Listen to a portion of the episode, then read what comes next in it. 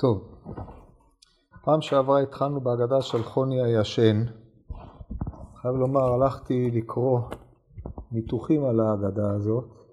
קראתי ניתוח של פרופסור פרנקל המנוח, שלמדתי אצלו אגדה בזמנו, ואני חייב לומר שניתוח מאוד לא מפרגן לחוני, ממש הוציא אותו מאוד לא טוב, מלבד זה שאני, יש לו מגמה שם במאמר שלו, זה נתפס בספר אה, אה, סיפור האגדה, יש ספר ירוק כזה, שזה אוסף מאמרים שלו, במאמר שעוסק בלשון נופל ללשון. כדאי לקרוא את זה בשביל הסגנון של הניתוח, אם כי די פורמלי, אבל אה, מאוד לא מפרגן לחוני. זאת אומרת, מעמיד אותו כאדם שהוא די אנוכי, אדם שהוא אה, יותר מרוכז בעצמו, לא מסתכל על מה שקורה בסביבה, ועוד מנין לו. זאת אומרת, אה, זה שהסיפור מתאר דמויות בעלי אופי שונה, אבל כשרבי יוחנן, הפותח את ההגדה, טוען כל ימיו היה צדיק מצטער על כתוב זה, וזה סיפור שרבי יוחנן מספר, או סיפור שבני הדור אחריו, כי הסיפור מסופר, מנקודת ראות של הבבלי, זה סיפור שסופר בבבל על בסיס דברי רבי יוחנן. אז מה עשה פרופסור פרנקל? ניתק את הרישה של הסיפור, רבי יוחנן לא קשור לסיפור, הסיפור מתחיל אחרי רבי יוחנן. עכשיו, מלבד זה שזה לא מסתבר, זאת אומרת, מבחינת המבנה הספרותי וכל מי שכפוף לעולם הספרות, שאני לא כפוף לו, היה חיה בגלל העיצוב הספרותי לבנות את המבנה ועוד כל מיני עניינים כאלה. אתה מכניס את הסיפור לתוך איזשהו סד שהוא חייב להתאים למודלים ספרותיים, וממילא מה שלא מתאים אתה קוצץ מלפנים ומאחור. כן, זה חוזר גם אה, מקומות אחרים בספריו של אה, פרופסור פרנקל המנוח. אנחנו לא רגילים לדברים האלה, זה לא מסתברא, יותר נראה שכל הסיפור נתפר סביב מימרתו של רבי יוחנן. אבל אם נקבל את ההנחה הזאת, כיוון שחוני מכונה בהגדה הזאת ובמימרת רבי יוחנן צדיק, והוא בא בהקשר למה שנאמר קודם לכן, מאוד לא סביר לתאר את חוני כאיש אה, שהוא מרוכז בעצמו, כי הרי הסיפור הזה בא להעביר איזשהו מסר, הפרטים הריאליים של הסיפור והאישיות או הביוגרפיה הספרותית של חוני היא לא העניין של הסיפור פה. אם כי לדעתו הוא בא ללמד איזה לקח מוסרי, אבל זה לא נראה לי שזה העניין. זה מצד אחד. מצד שני, ראיתי עוד איזה כותב אחד שהעמיד את הכל על מושג החלום, בנה את הכל סביב מושג החלום. הקושי הגדול עם זה שבכתבי היד המדויקים, אוקספורד 366 ועוד איזה כתב יד, המושג חלום מופיע רק בפסוק, מכאן ואילך לא קיים. אז לבוא לסובב את כל הסיפור סביב מושג שהוא תלוי בכתבי יד, ובכתבי יד מהימנים למדי לא מופיע, הוא דבר שהוא כמו חלום. אז לכן לא היה נראה לי שאפשר לבסס את זה עליו, אז צריך אה, להסביר את זה באופן שלישי, כל אלה מבואות למה שיבוא. זאת אומרת, שוב, כל אחד אה, לקח את הסיפור לפי עניינו, וזה אומר לכל וזה אומר לכל. ככלל, כמו הרבה סיפורים, אתה יכול לנתח אותם בכמה אופנים, להפיק מסקנות שונות ומשונות, כל אחד לפי רוח התקופה, לפי האווירה השורה עליו, לפי צורת ההסתכלות שלו וכיוצא בזה, לכן יש פה אלמנט די סובייקטיבי בניתוח הסיפור, דבר שהוא נותן לו את היופי שלו, כמו שכשאדם קורא שיר, ואני לא מחובבי השירה הגדולים, אבל נאלצתי לנתח כמה שירים עבור שוררים אלו ואחרים שנתנו לי, ומה אתה חושב על השיר, אז לא, אז בתור, אה, כשאתה קורא, אתה יכול לקרוא מהזווית הזאת, אתה יכול לקרוא מהזווית הזאת, תלוי מי עומד מולך ומה אתה רוצה להשמיע, אז אתה אומר, זה נראה ככה, זה, זה הדבר היפה, כמו בכל אומנות. אבל סיפורי חכמים הם לא אומנות לשם אומנות, כי החכמים באו ללמד אותנו אי אילו עניינים, בפרט שזה סובב על הפסוקים הללו. אז אנחנו נשתדל להעלות מה שנראה פה, מה שנראה לי על כל פנים. בעניין הזה. אז נחזור עוד פעם לסיפור ולעניינים שלו. אומרת הגמורי, אמר רבי יוחנן, כל ימיו של אותו צדיק היה מצטער על מקרא זה, שיר המעלות בשוב השם את שיבת ציון, היינו כחולמים. אמר מי דניים שבעים שנין בחלמה. אז אם כבר צריך להיות כחלמה, כן, כחולמים, לא בחלמה, נראה לי שהערתי את זה כבר בשבוע שעבר, המילה כחלמה בכמה כתבי יד ליטא. ובאמת היא לא נדרשת פה, מפני שזה שאתה חולם בשעה שאתה ישן או לא חולם בשעה שאתה ישן, זה לא רלוונטי. אנחנו יודעים היום שכל אדם חולם בשעה שהוא ישן, החלום זה חלק מהתרפיה הפנימית שלו. אבל רק חלומות כאלה שכשהוא מתעורר הוא משתמש בהם, הם חלומות שאפשר לדבר עליהם. המצב של חלימה, בהקשר דנן, הוא מתאר מצב של חוסר עשייה, או מצב של שינה, ולכן כחולמים בפסוק מתורגם להיינו ישנים שבעים שנה לדעת חוני. אם כן, תמיהתו של חוני היא על, על בכתוב, שיר המעלות בשוב השם את שיבת ציון, אחרי שבעים שנות גלות, במשך שבעים שנות הגלות הללו היינו כחולמים, לא במובן של חולם לממש איזושהי אה, ציפייה, אלא היינו במצב של חוסר עשייה, מצב של שינה.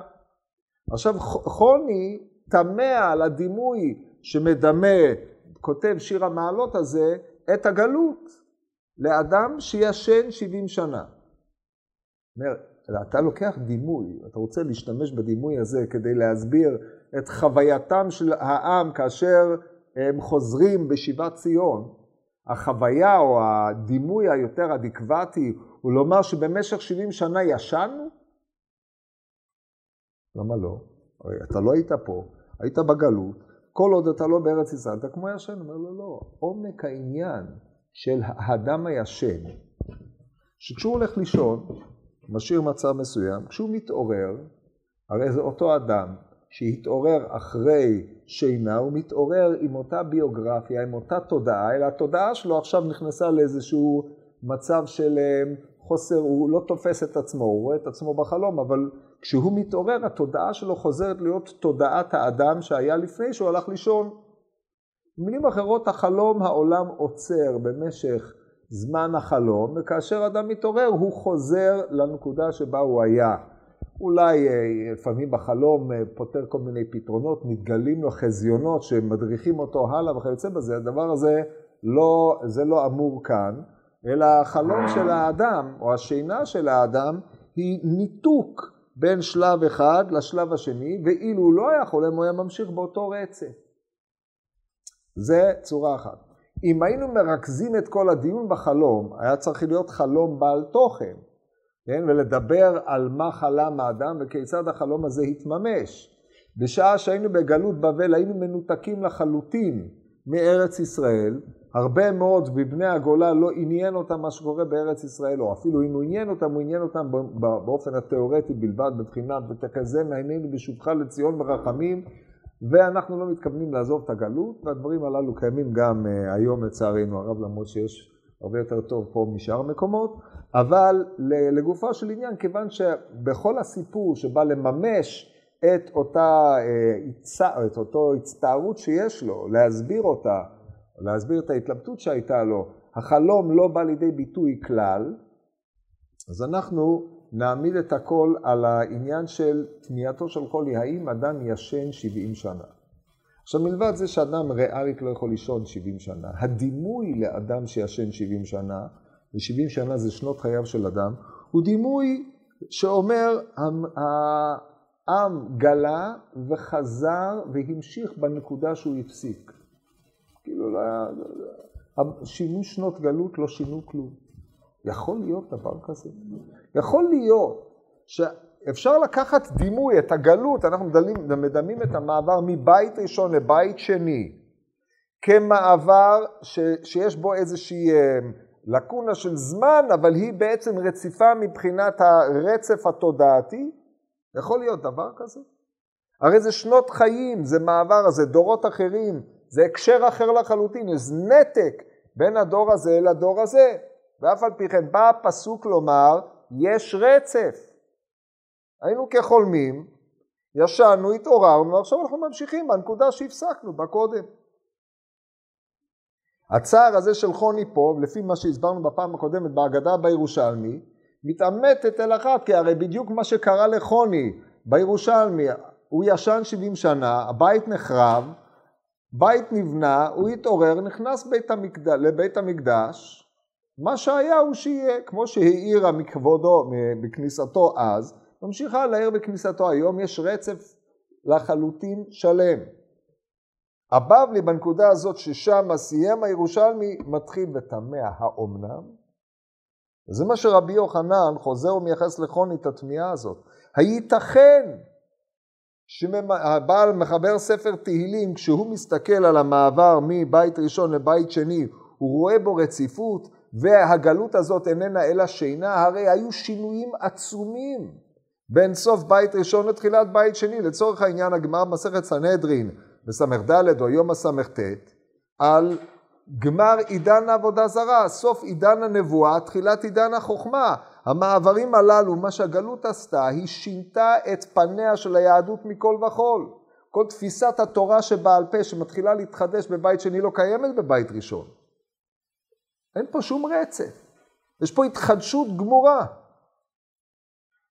אז לבוא לדמות את זה לאדם שישן להתעורר, הדבר הזה הוא תימה. הצטער חוני על הדבר הזה שבעצם אומר שלא, שהכל ממשיך כאילו לא היה כלום. זאת אומרת, אחרי שחזרנו בשיבת ציון, נראה, נעשה כמי שמעולם לא יצאנו לגלות. הדבר הזה הוא פלא. עכשיו, אם אתם חושבים על זה, זה באמת טעימה. תחשבו על זה שיגידו, שיר המעלות, בשוב השם את שיבת ציון היינו כחולמים, כלום יש האדם שישן אלפיים שנה?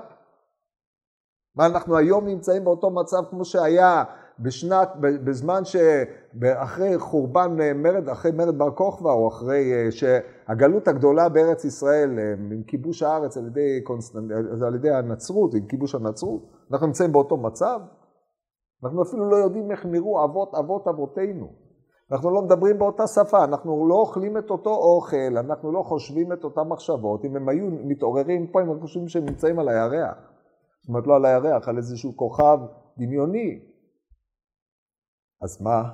אז אמנם זה רק ב-70 שנה, ופה מדובר רק ב-70 שנה, אבל הרי אחרי ככלות הכל, אנחנו לא שבנו את שיבת ציון? לא הייתה עכשיו שיבת ציון. הכתוב שבספר תהילים לא נכון גם היום?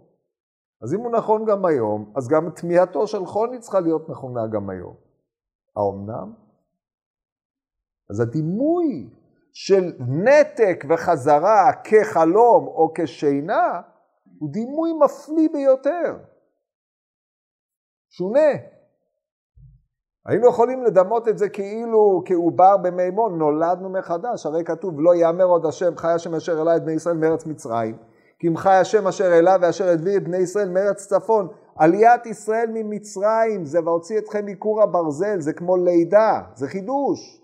אז הרי אם לא יאמר אותך השם, לא יהיה פה בחינה של יציאת מצרים, אלא יציאת ישראל מכל הארצות, אין לך חידוש גדול מזה, זה כביכול אומה חדשה, שמיים חדשים וארץ החדשה אשר אני עושה. מסביר הרמב"ם המורה, שמה זה שמיים חדשים? הרי הם לא חדשים, הם היו ויהיו, אלא מבחינת התחדשות העם זה נראה כאילו נבראו שמיים מעליו וארץ מתחתיו, דבר שמבחינתו לא היה קודם. זה חידוש, זה לא חלום. זאת אומרת, זה חלום במובן ש...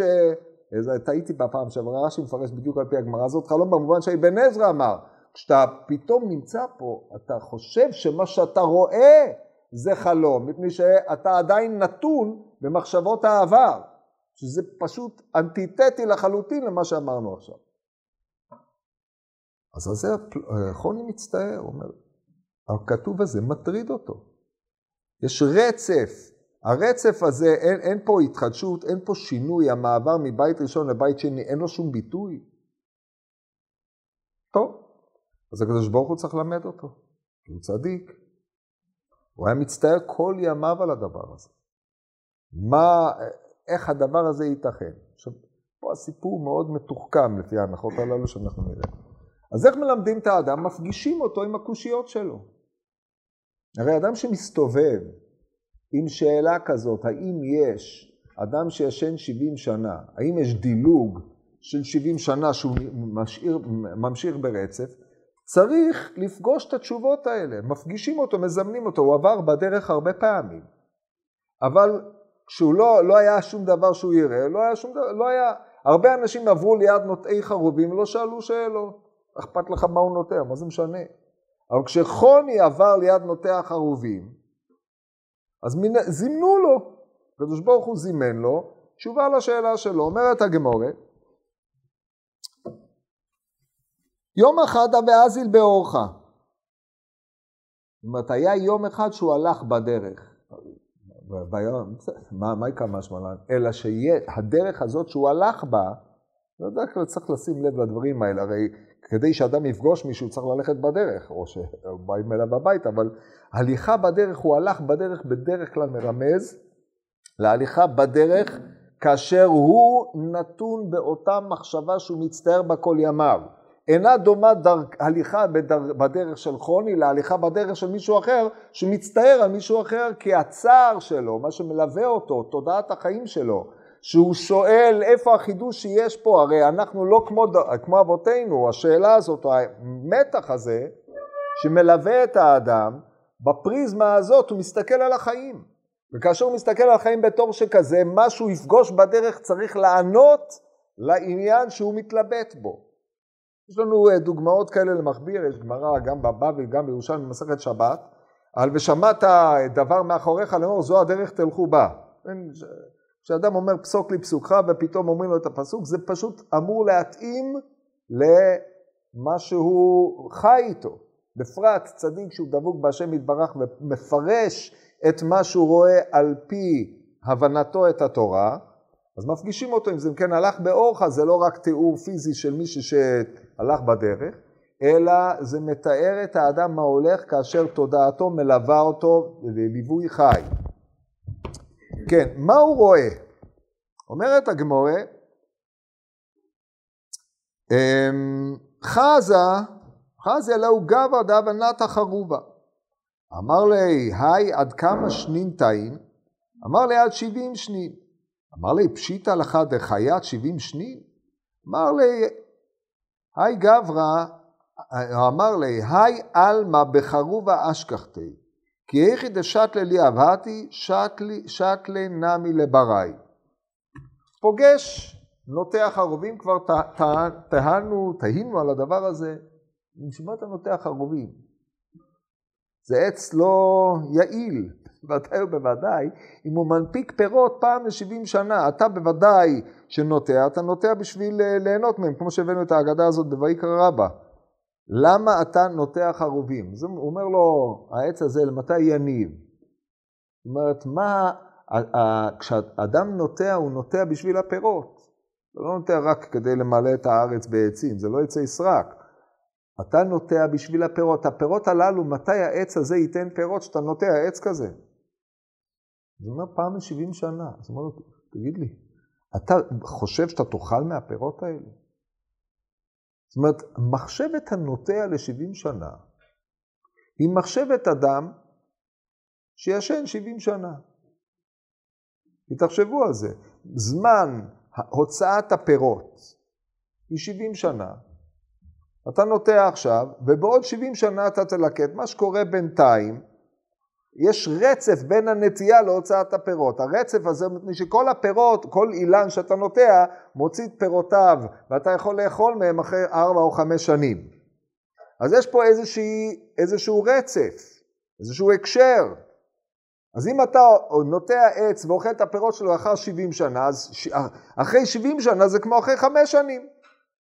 זה השיקול. אז הוא פוגש מישהו שחי בתודעה של אדם שישן 70 שנה. זאת אומרת, לא משנה מה הוא עושה בינתיים, אבל מבחינת היחס, נטייה, אכילת פירות, יש פה פער של 70 שנה, ואדם רואה את הרצף הזה כרצף טבעי. הוא אומר לו, מה אתה חושב שאתה תחיה 70 שנה? הוא היה זקן כבר. הוא אומר לו, לא. אני מצאתי את העולם בחרובים, ואני משאיר אותו בחרובים.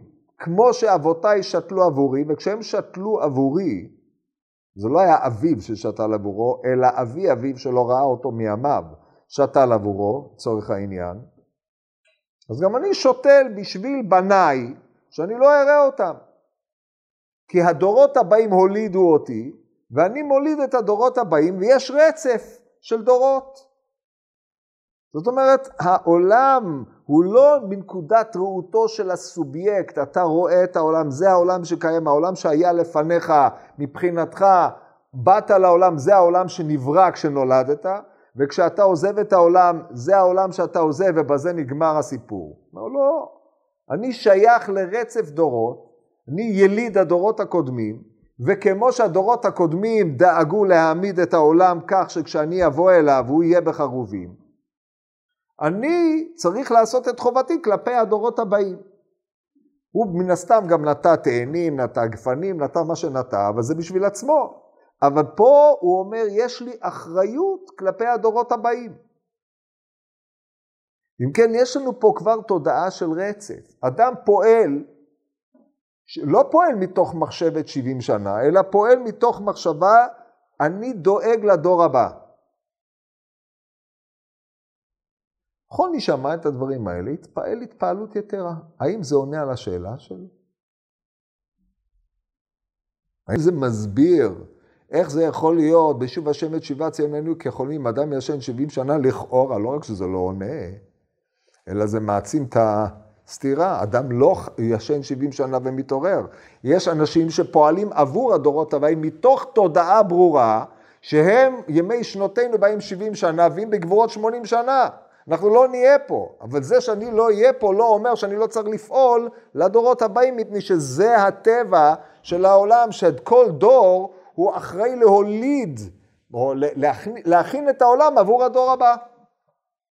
אז אם הוא אחראי להכין את העולם עבור הדור הבא, הוא בוודאי חי בתודעה שהוא לא יישן 70 שנה. דבר שמאתגר את הפשט של חוני. לכאורה. טוב, אז חוני שומע את הדברים האלה, ומה עושה? מתפעל מהתשובה הזאת, אין לנו תגובה. ואז אומרת הגמורה, יתיב ככריך ריפתא. כריך ריפתא, הוציא את הסנדוויץ', לאכול אותו. ואז בא העניין. כי עכשיו יש לו חוני סתירה. סתירה יותר גדולה. זה הרי מצד אחד אתה רואה אדם שפועל בתודעת 70 שנה. כי הרי הוא עושה מעשה עבור מה שיהיה בעוד 70 שנה.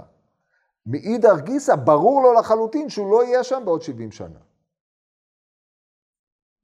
עכשיו, האם זה מיישב את דעתו של חוני, או שהדבר הזה מטמיע את חוני? לכאורה, לפי מה שאמרנו, זה הדבר מטמיע, אלא שאדם שנמצא בתמיהה לא הולך לאכול סנדוויץ'.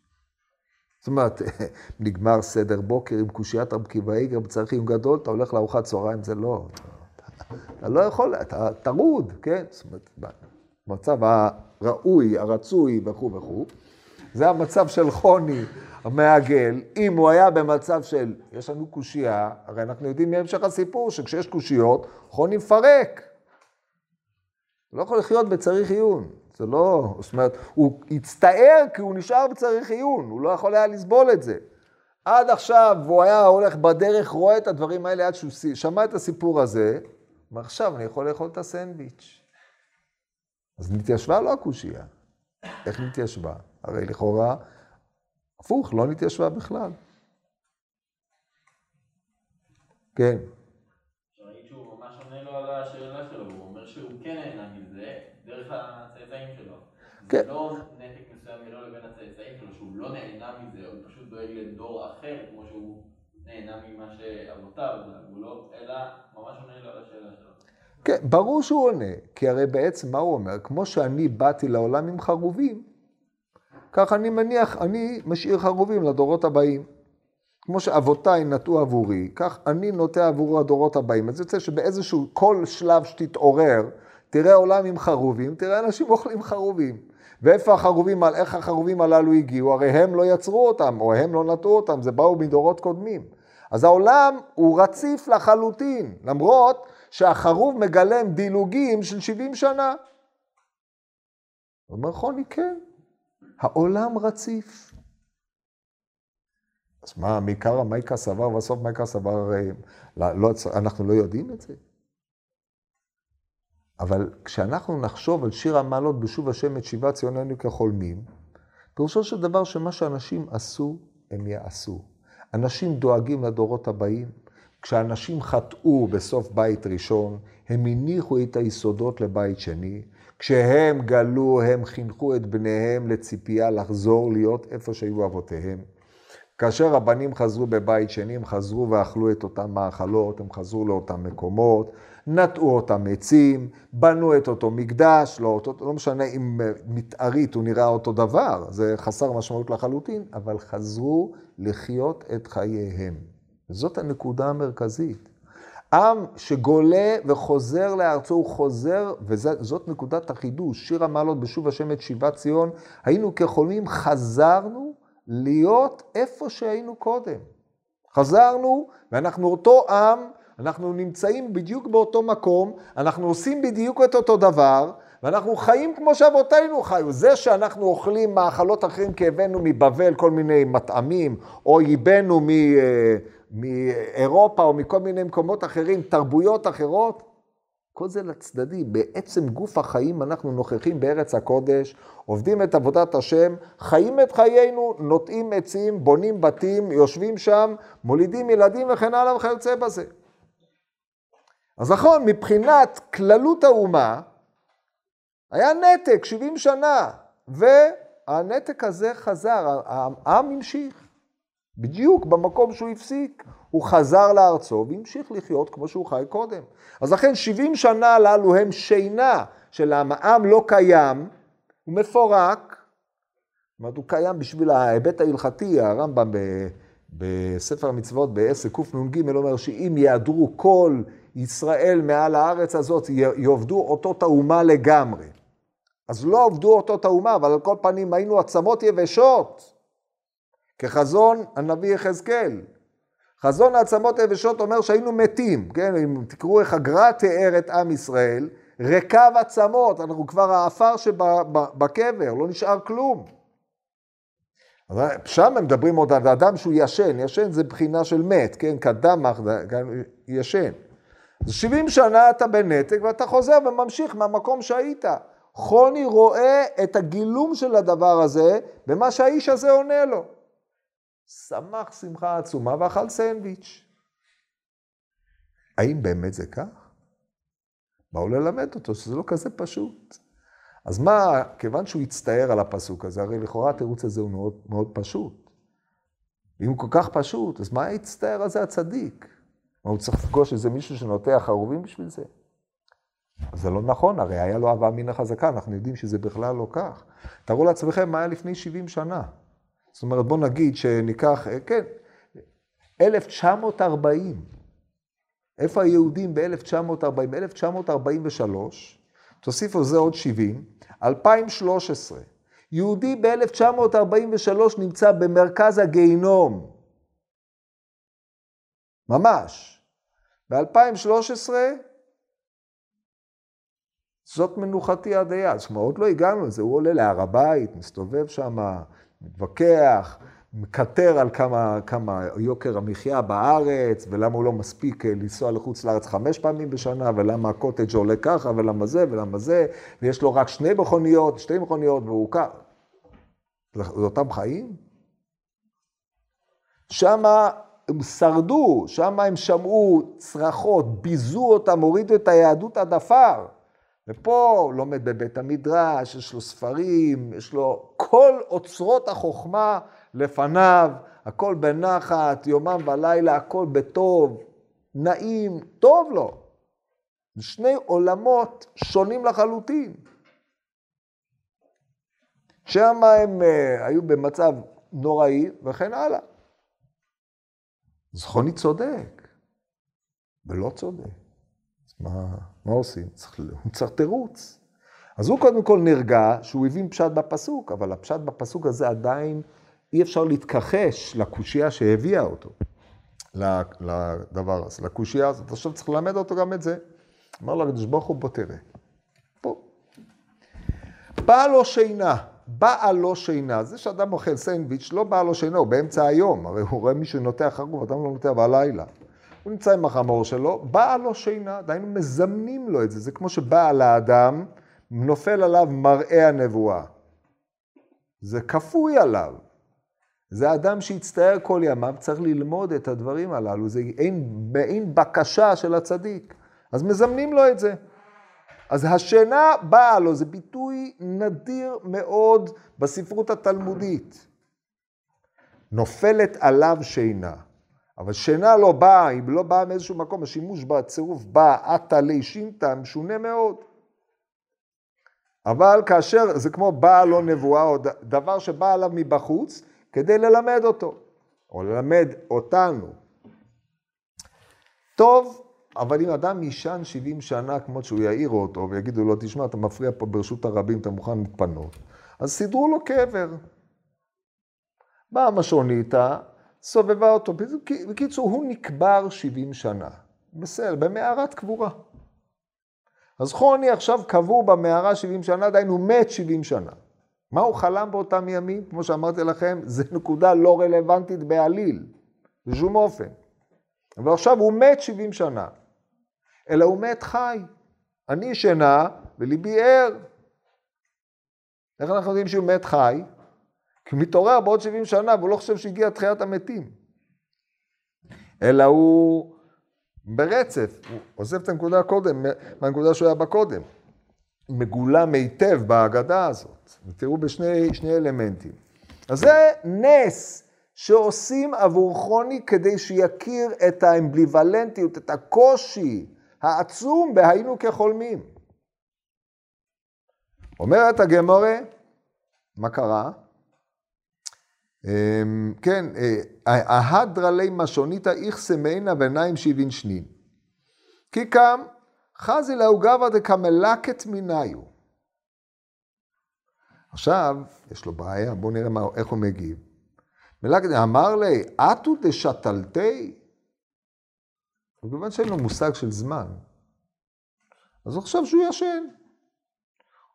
כן, הוא היה בקבר, לא היה בקבר, הוא לא ידע את זה, בשעה שהוא ישן, לא ידע מה מתחולל פה מסביב, וזה הולך, הוא אומר, אתה הוא זה ששתלת אותו, כי זאת הנקודה האחרונה, חוץ מהביס בסנדוויץ', או כן אכל אותו, לא אכל אותו. בקיצור, זאת הנקודה האחרונה שהוא עזב את העולם. עכשיו הוא חוזר לנקודה שממנה הוא עזב, זאת הנקודה המרכזית בהגדה הזאת.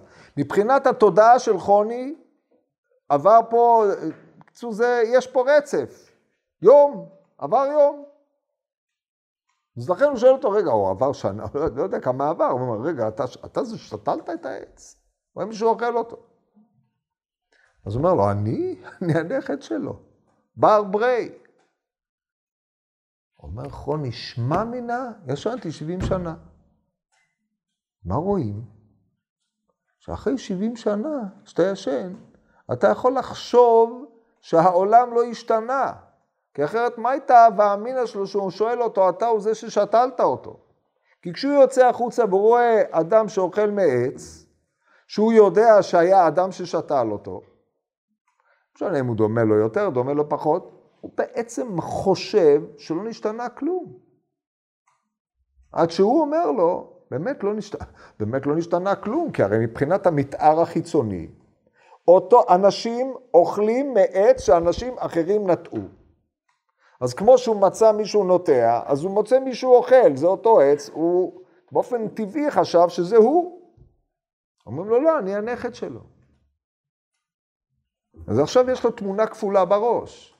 מצד אחד, העולם עברו 70 שנה. ומצד שני, העולם נראה לחוני בדיוק כמו שהוא היה נראה לפני 70 שנה. לא השתנה כלום. אחרת הוא לא היה שואל את השאלה הזאת בכלל. טוב, אומרת הגמרא, היה עוד איזשהו חידוש. מה החידוש הבא? אומר ככה, שמע מן דנאי משבעים שנים, כי הרי רק על פי הזמן של העץ, הוא ידע כמה שנים הוא ישן, כי הרי העץ נותן פירות רק לפי 70 שנה, אז מזל שהיה לו את השעון הזה, הקרוי פירות החרוב, שבאמת אה, כבר התלבטו, אמרתי לכם, חרוב לא מוציא פירות פעם ב-70 שנה, חיפשו פליקס ואחרי זה פרופסור רענן או דוקטור רענן באיזה מאמר שלו על החרוב, איך להסביר את העניין הזה. המסקנה היא, אין, אין צורך להסביר את זה. החרוב שעלה בהגדה, החרוב הוא כמו המששוניתא, כן? זה חרוב אה, בהגדה. אנחנו בונים אגדה כדי להעביר את המסר. הסיפור הזה היה או לא היה? מאיפה אנחנו יודעים?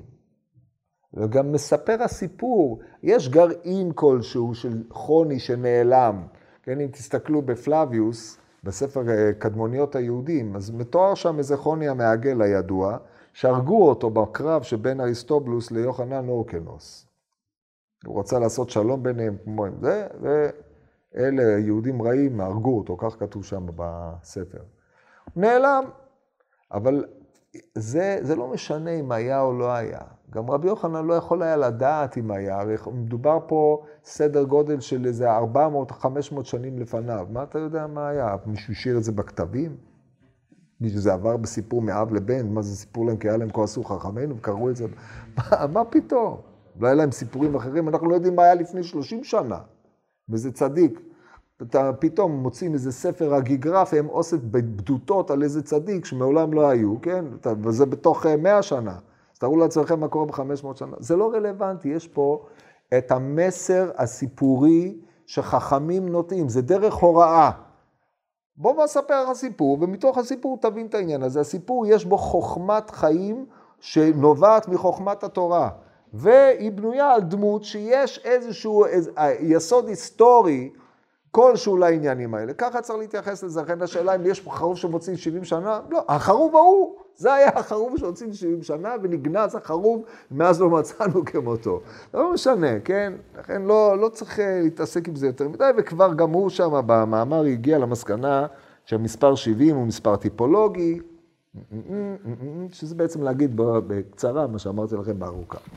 אבל, כן. לגבי העץ, העץ הרי בהתחלה בטח הוא היה קטן, לא חשב. ראה את הבן שלו את הנכד עם תספורת כזאת והסבא עם תספורת אחרת. הוא לבש בגדים מהאופנה של שנות ה-20 והוא לבש בגדים מהאופנה של שנות ה-2000, הוא לא חשב. אנחנו, הוא לא, הפרטים החיצוניים הם שוליים. וזה מה שתכף נדון בזה. הפרטים החיצוניים הם שוליים. אדם אוכל מעץ, תמיד היה ותמיד יהיה, כן? זאת אומרת, אה, כל עוד אנחנו לא נאכל אוכל מלאכותי. אז אומרת הגמורה, כן, גם זה חוזר בעזרת השם, לא מזיק. אומרת הגמרא, אה, חזה לאהו גמלקת מיני, אמר לאהו דשתלתה, אמר לי בר בריאן, אמר לשמע מן הדיניים שבעים שנין. חזה לחמרי דאיתיליד עלי רמחי רמחי. חמור מוליד רמחים? מילה רמחים, שטרחנים, אה, שטר, שטרחנים, בני הרמחים. עטו השטרחנים בני הרמחים ידעינן, כן, הקורא את המגילה ולא יודע מה הוא קורא, אז הוא יוצא ידי חובה, כי אתה, אתה יודע מה זה השטר, השטרחנים, או איך שקראו, איך שכתוב שם, בני הרמחים? שטרנים, בני הרמחים, אתה יודע מה זה? מה זה רמחים? רמחים זה חמורים מהירים כאלה. ממתי חמורה מולידה רמחים? היא מולידה חמור, חמורים או אתונות או דברים כאלה, משונה מאוד. אבל זה כנראה צי שלם היא הולידה. זה עכשיו לא ברור שהחמור הייתה בחיים, כי הניסוח פה הוא ניסוח אה, מעניין. חזה דאיטיאליד, חזה לחמרי דאיטיאליד עלי רמחי רמחי. היא ראה שנולדו מהחמור רמחים רמחים. מה זה אומר? הרי החמור הזה לא היה נולד אם לא היו חמורים בדורות שלפניו שהולידו עד כדי שהחמור הזה נהיה פה. עכשיו, החמור הזה, בעולם כמנהגו נוהג, גם הוא המשיך להוליד. איך? כתוב פה ברש"י איך זה נעשה. והכל נמצא ברצף, כל זה בדרך אגב בתוך המערה. אבל זה קטע מופלא ביותר, הרי אם זה היה פוקק לו את המערה עם אוסף חמורים כאלה, הוא צריך להתעורר מהנהירות. אבל זה לא משנה, ההשתלה הזאת של האמת, בואו ננסח את זה באופן הזה, שההיבט הלא ריאלי הזה, שהוא נטוע פה בכוונה תחילה, יש לו מסר. אז קודם כל תשימו לב, חמור לא, לא, מוליד, לא מוליד רמחים. ודבר שני, ריאלית לא ייתכן שהחמור הזה הייתה מחוץ למשוניתא, כי אחרת הייתה פוקקת את כל רשות הרבים, והייתה בתוך המשוניתא. גם זה לא ייתכן, כי אחרת הוא היה שם קבוצת שמחה עם עדרי חמורים, אין, אין להם ממה להתקיים, אין ממה לאכול. אם אתם מתחילים לתת לזה פירוט ריאלי, אין לזה שום יסוד. לכן אנחנו משאירים את זה באלמנט הפנטסטי שלו. כי לא בשביל לסדר את הריאליה זה נאמר, אלא הוא ראה חמור שהולידה רמחים רמחים. החמור שהייתה לו, לא עמדה בטלה, והעולם ממשיך להתקיים מפני שהחמורים יולדים. כמו שעצים ניטעים ומוציאים פירות, גם חמורים מוציאים את פירותיהם. אז עכשיו מישהו בדור הבא, הוא קיים מפני, מכוח הדורות הקודמים, אבל מה ההבדל בין החמור שנולד אחרי 70 שנה לבין החמור שנולד לפני 70 שנה? שניהם באו מלידות שהיו בדורות שלפניהם. יש רצף. מה? רמחים זה כנראה כמויות גדולות, או חמורים בריאים, או דברים מעין אלה. טוב, עכשיו כל הדברים הללו, אז הוא רואה את שני הדברים הללו, הוא רואה דורות שממשיכים לאכול את מה שאכלו אבותיהם, וזה נראה לו המשך רציף. והוא רואה בהמות שממשיכות להתקיים, העולם כמנהגו נוהג. וכשאתה אומר עולם כמנהגו נוהג, פירושו של דבר, הנקודה שעזבת את העולם, הנקודה שאתה בא, חוזר אל העולם, אתה פוגש את אותו עולם. וזה, בזה, בזה נתיישבה דעתו של חוני. זאת אומרת, עכשיו שהוא מתעורר, כביכול מתגלמת ב, לעיניו אותה תשובה שענה לו אותו אה, אדם. אני קיבלתי, באתי בעולם, לעולם עם חרובים, המניח חרובים לדורות של אחריי. ככה העולם נוהג ואין שינוי מהותי. אולי השינוי הוא בתפאורה, החמור הזה הוא אדום, הוא חמור חום, זה חמור לבן, או ההוא לובש בגדים כאלה וכן הלאה וכיוצא בזה, העץ הוא יותר גדול, יותר קטן, אבל זה, אלה פרטים שוליים לחלוטין, מה זה משנה? ואז עם תודעה מוטעית כזאת, הולך חוני ופוגש את המוות. איך? טוב, הלך הביתה. אזל לביתי, אזל לביתי. איך הוא יודע שהבית שלו נמצא במקום שהוא נמצא? הרי אחרי 70 שנה הסבירות שהבית שלך יהיה במקום שהיית, שואף לאפס. מה נראה לך פה? אנשים ש... זהו, נגמר. לכו, לתל אביב שלפני 70 שנה ותגידו לי, יש בית אחד, אותו דבר, חוץ מהמוזיאון או משהו כזה. אין, אין בתים כאלה. אחרי 70 שנה מפרקים הכל, בונים מחדש. עזה לביתי, שימו לב איזה תודה הוא הולך. לא השתנה כלום, הבית כמו שהיה, מה שהיה הוא שיהיה, כאן נמצא, כאן היה, או כאן היה, כאן נמצא, בעצם הפוך, כן? זה, זה, עם זה הוא הולך. עזה לביתי, זו המחשבה שלו. כי הרי הוא כל כך שמח מהתירוץ, עד שהרי ברור שאדם ישן 70 שנה, זאת אומרת? פשיטה. אם הוא ישן, הוא קם, הוא רואה את מה שהוא היה, מה שהיה, ושיהיה. טוב, הולך לביתו, אומר לו, איפה הבן של חוני? אומר לו, הבן כבר לא פה, הנכד פה. בן בנו. אה, בסדר, אומר, אין בעיה, טוב, טוב, טוב להכיר את הנכד. הוא אומר, אני חוני, שלום, מה? הם לא מאמינים לו. למה הם לא מאמינים לו? כי הוא מת מזמן. כי אין אדם שחי מעל, נכון, בוא נניח לצורך הסיפור, היה בן 70, אין אדם שחי 140 שנה, אין דבר כזה. כבר ישבו עליו שבעה זהו, כבר כתבו עליו ספר זיכרון, הוא נתפס בכמה עותקים, והעותקים כבר אזלו, אין, אז זה לא קיים, אף אחד לא... זוכרים אותו במהומם, במשפוחה. כן, יש תמונות אה, מהוממות כאלה, כי אז עוד לא היה צילום, אז ציירו את זה, והציורים הם כמו הציור של הרמב"ם על השטרות שהיה, וכן הלאה, זה, אין לזה, טוב, הם לא רואים שום דמיון בינו לבין אה, מה שהיה, כי אף אחד לא ראה אותו. אני חוני, מה, מה זה אני חוני? ברור, אם הוא הלך לביתו, אז לא משהו להגיד שהוא חוני. הרי מבחינתו, אדם ישן 70 שנה, התירוץ היה כל כך טוב, שכבר לא רק שאין לו מה להצטער, הוא שמח מאוד בתירוץ הזה. זה מדהים, פשוט רצף. עכשיו, זה טעות. ופה מחזירים אותו להבנה, הווה אמינא שלו. האם באמת יכול להיות שאדם ישן 70 שנה? בחיים לא. אז, אז עכשיו חוני בעצם נתון בין שני, אה, בין שני מצבים. מצד אחד הוא הצטער כל ימיו. כמה ימיו של אדם? ימי שנותינו בהם 70 שנה, הצטער 70 שנה לקושייה. איך יכול להיות שאדם ישן 70 שנה, דהיינו שהעולם ממשיך בלי שום חידוש. זימנו לו תירוץ, כן, אני במו עיניי רואה שהעולם ממשיך ברצף. אני בגופי חוויתי את זה. חמור ממשיך אה, להוליד, העץ, דורות באים אוכלים את, אותם, אה, את, את, אותה, את אותו חרוב אחרי 70 שנה, כמו שאמרנו קודם. אז גם זה נכון במשפחה, פתאום הוא חוטף סטירה. אנחנו לא, מאמין שאתה, אנחנו לא מאמינים לך. למה לא? כי הם סוברים כמו אבא אמינא של חוני. כלום אדם ישן 70 שנה? ככה הם סוברים, אז לא יכול להיות שאתה חוני. הולך לביס המדרש, איפה ילך אדם? הולך לבית המדרש, נכנס לבית המדרש, פתאום הוא שומע, או, oh, הקושייה הזאת, השמועות הללו בהירות כמו שמועות בימיו של חוני. כן, במפרשים התלבטו איך להסביר את זה. האם במקרה כניסתו של חוני לבית המדרש היא זו שעוררה את העניין הזה? אז זה, יש סיפור מפורסם. מעשה שהיה כך היה.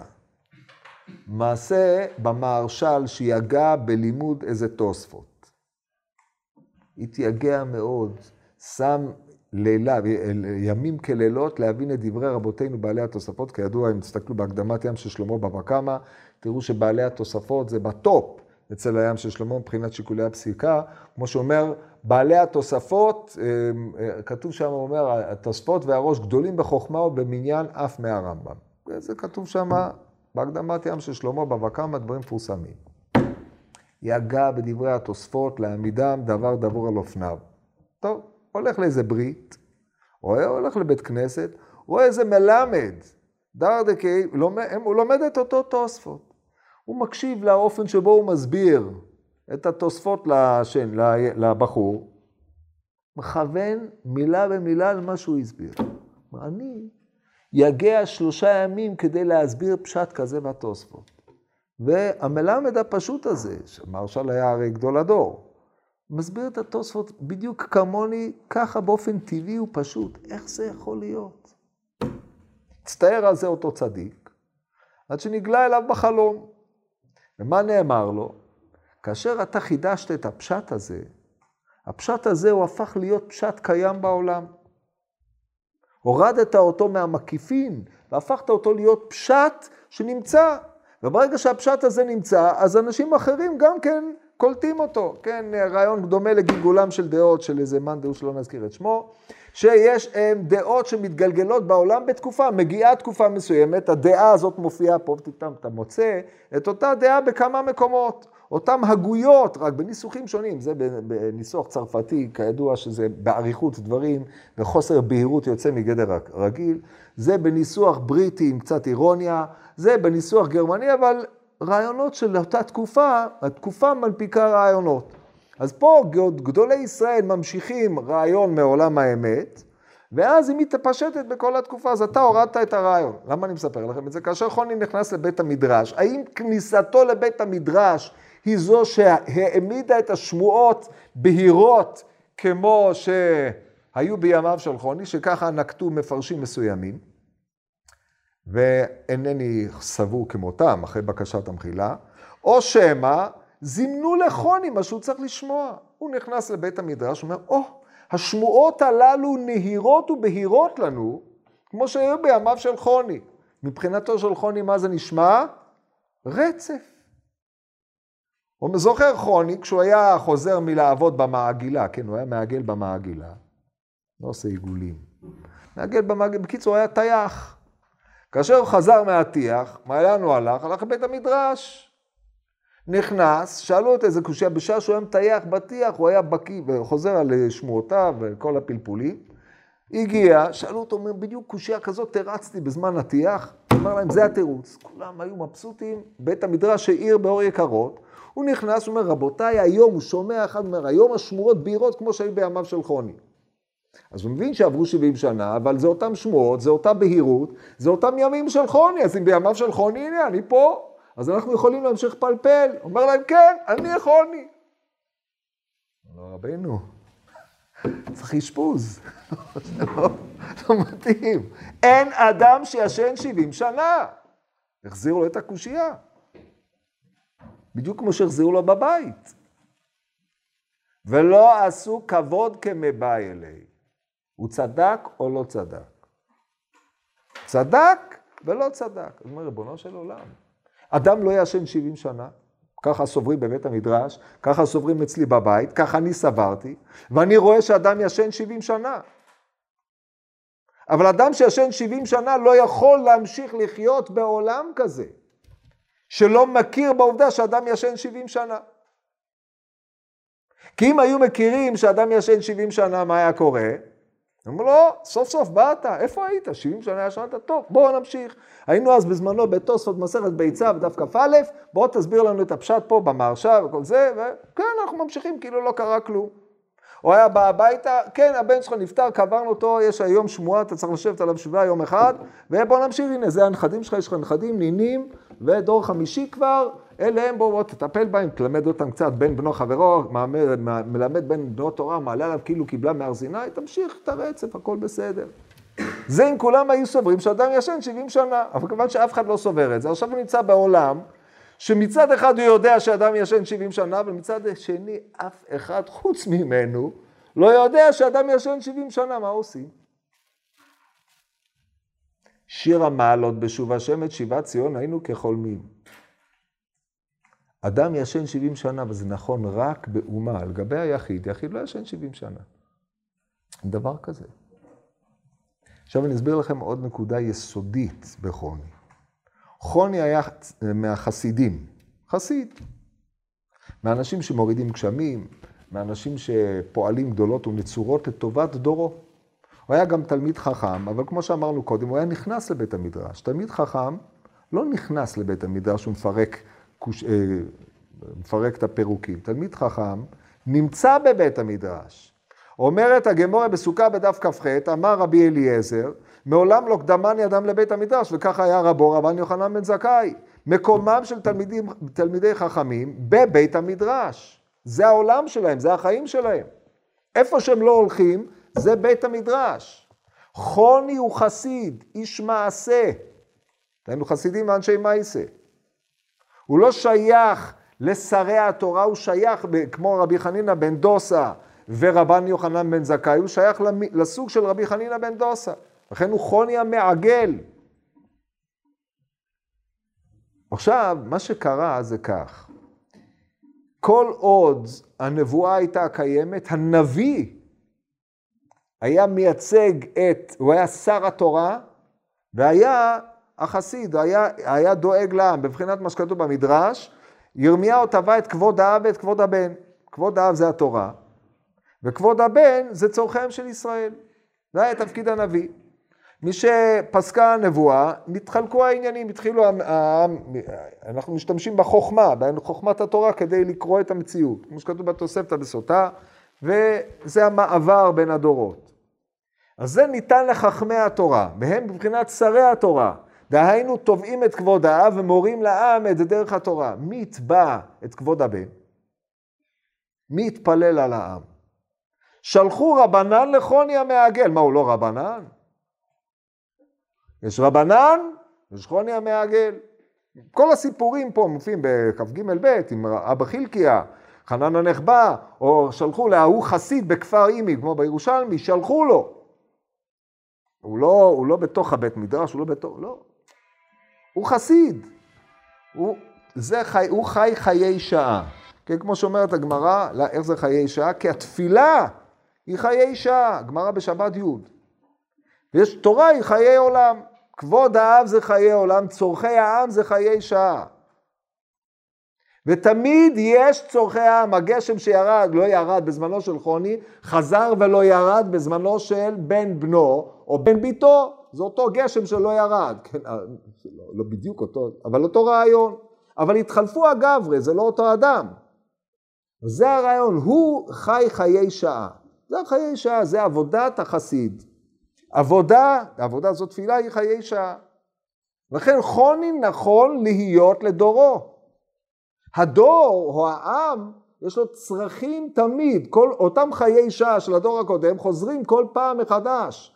ולכן יש רצף בדורות, אבל היחיד, הסובייקט, הוא מכיר את חיי שעה של בני דורו. ולכן פה חוני עמד בקונפליקט.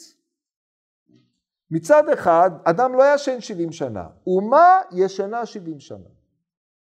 זו אותה אומה, אותו רצף, אותו יחס אלוקי, העם מתפתח, אבל לכן ההגדה פה מעמידה את המתח הזה, כאשר מצד אחד חוני צודק, מצד שני אף אחד לא מכיר אותו. אז מה שקרה לו עצמו זה התירוץ של הקושייה עם הסברת ההווה אמינא של חוני, זה מה שקורה בסוף. מגיע חוני למסקנה או חברותא או אז כבר הרבה מפרשים קישרו את זה עם הנידוי שאמר לו, אלמלא חוני אתה גוזרני עליך נידוי, יש פה נידוי, כן, הוא מנודה מהחברה שלו בגלל צורת המחשבה שלו. בגלל שהוא חשב שמה שהיה נכון לדורות הבאים, או לדור הבא, או מה שהיה נכון לדורו נכון, גם ממשיך עם הדור הבא. אתה כבר לא שם. אין לך חברותא, אין לך חיבור אל אותו דור. אבל הדור יש לו חיבור אל הדור הקודם. זאת אומרת, יש לנו פה אם כן רצף, מצד, מצד אחד רצף של דורות, רצף של האומה, האומה כשיעור קומה של איש, היא חיה ברצף, אבל הפרטים שבאומה נכון, נכון כל אחד בפרט, חסיד שהוא חי חיי שעה, דהיינו דואג לחיי שעה של הדור, זה נכון לשעתו של אותו דור בלבד. אז זה ככה יצאנו בלי ללמד על חוני חובה, כמו שלימדו, כי לדעתי זה שערורייה, לא ראוי לעשות דבר כזה, אבל זה עולה מפשוטם של הסיפורים. ביקשו ממני איזה...